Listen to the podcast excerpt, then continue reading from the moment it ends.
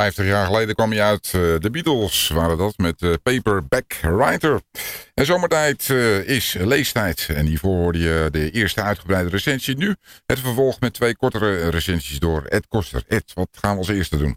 Jeroen, zomertijd is natuurlijk ook toertijd. Beetje ondergesneeuwd onder het Europees kampioenschap voetballen. Maar nu op dit moment ook het enige sportevenement wat plaatsvindt.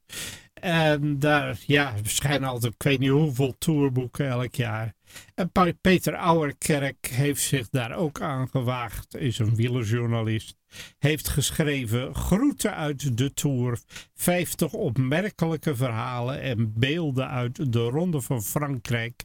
Uitgekomen bij uitgeverij De Geus, die inmiddels verhuisd is van Breda naar Amsterdam. Ah. Uh, het is een boek met uh, eh, 50 mooie foto's. En aan de hand van die foto's schrijft Auerkerk een verhaal. En dat kan echt van alles zijn. Hè? Wout Wachtmans met Wim van Est. En dan heeft hij het over de Laurel en Hardy van de Tour. Of een triest verhaal zoals de Franse sprinter André Darrigade. Die uh, eh, die in aanraking kwam met een Vlaamse official. Er zijn natuurlijk ook nog allerlei andere mensen die omgekomen zijn tijdens de Tour de France. Heel mooi. Foto van de Kemphanen, Peter Post en Jan Raas. Die lusten elkaar helemaal. Die staan samen wat sip kijkend op de foto. Of de afscheidsbeelden van zittende Steven Rooks en Gert-Jan Teunissen. ja. Maar ook een leuk verhaal over de Rode Lantaarn, waar sommige redders ook een moord voor doen om juist als laatste te oh. eindigen.